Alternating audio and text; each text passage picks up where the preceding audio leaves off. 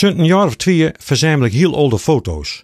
Van die kleine bordpapieren portretten met vijken eronder en ook op de achterkanten de namen van de fotograaf.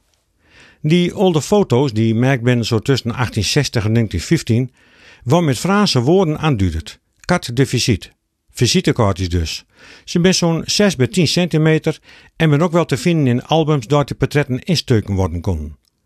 Tegenwoordig zijn de visitekaartjes veel kleiner en er staat heel wat tekst op, maar als nooit een foto van de persoon dat het om gaat. Wil ze wat dat dan gaat, veel meer mogelijkheden binnen als vroeger.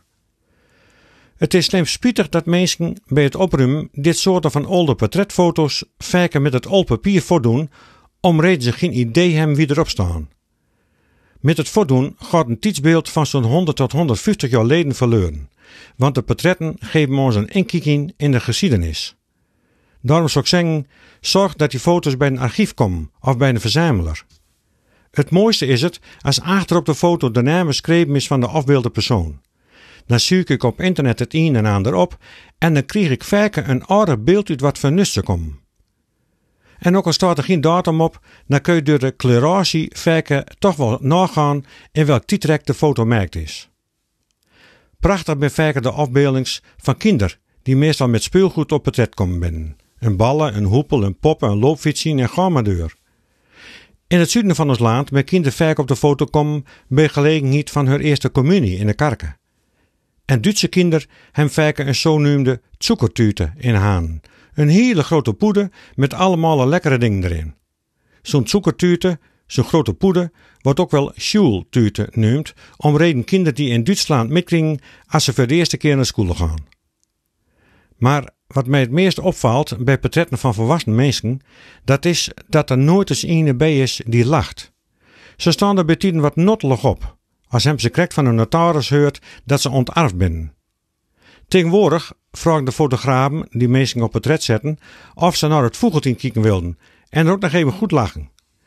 Maar op die visite kijken de mensen meestal heel ernstig.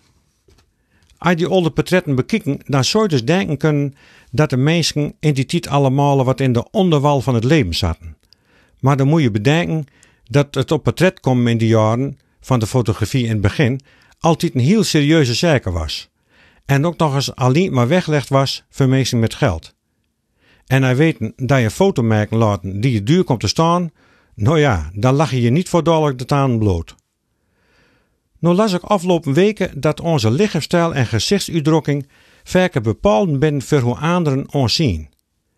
En dat kan ik me heel goed voorstellen. Als een een wat notse uitstraling hebt, dan krijg je niet de indruk dat je met een meisje van doen hem die een protte willen in het leven hebt. Soms krijg je aanstrijd en vragen of ze met verkeerde been uit bed stapt. Maar een nog belangrijker resultaat uit het onderzoek was dat onze lichaamshouding en onze gezichtsuitdrukking ook bepalend binnen voor hoe we over onszelf denken en wat we daarbij voelen. Het het dan dat mensen alle stok zekerder binnen als ze maar twee minuten een holding aannemen hem die bepaalde kracht uitstraalt. En uit lachtherapie blijkt dat mensen haar al heel wat beter voelen gaan na een stok minuten lachen om niks. Nu weet ik niet of het ook wetenschappelijk onderzocht is, maar nevens mee waait het ook aanstikkelijk naar andere mensen toe. Als je met iemand praten die er wat ontspannen bij staat, dan word je zelfs ook wat noffelijker. Dat ik zal zeggen, zet vandaag maar eens een brede lach op het gezicht. Voor jezelf kan dat als resultaat hebben dat je beter of zelfs nog beter voelt gaan, maar ook de mensen die jij vandaag treffen, zullen dan een goede dag hebben. Dan geef je een mooi visitekaartje af.